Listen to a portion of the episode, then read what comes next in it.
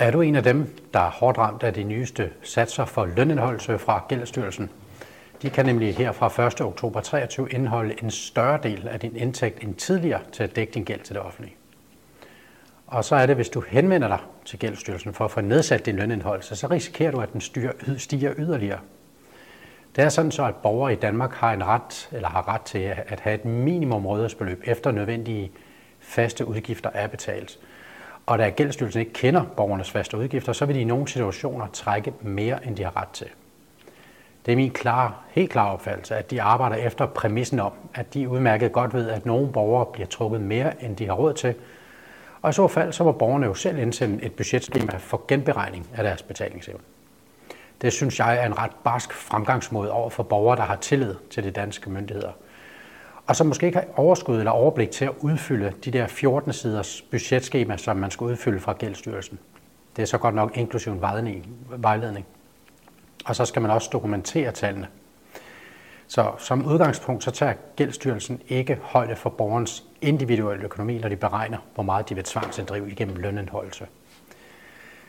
Det betyder desværre, at nogle danskers økonomi kollapser fuldstændigt, og dermed har de ikke penge nok til sådan helt almindelige basale udgifter, som f.eks. mad og husleje og medicin.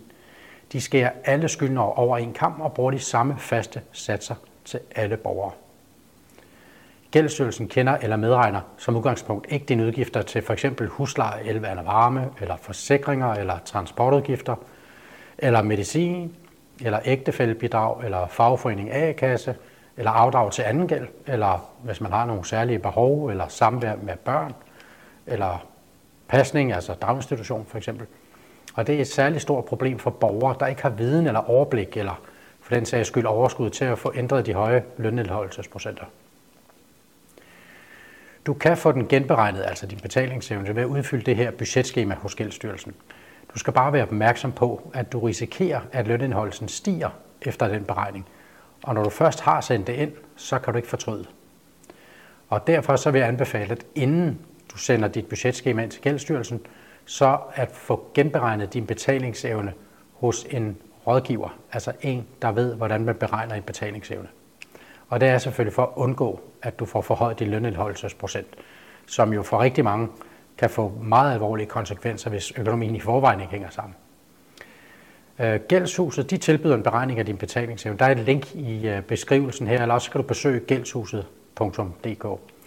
Hvis du har en lav indkomst og høj gæld, så kan du muligvis få noget gratis rådgivning hos KFUM.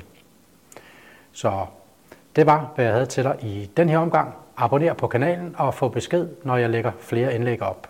Tak for din opmærksomhed og have en dejlig dag. Hej hej.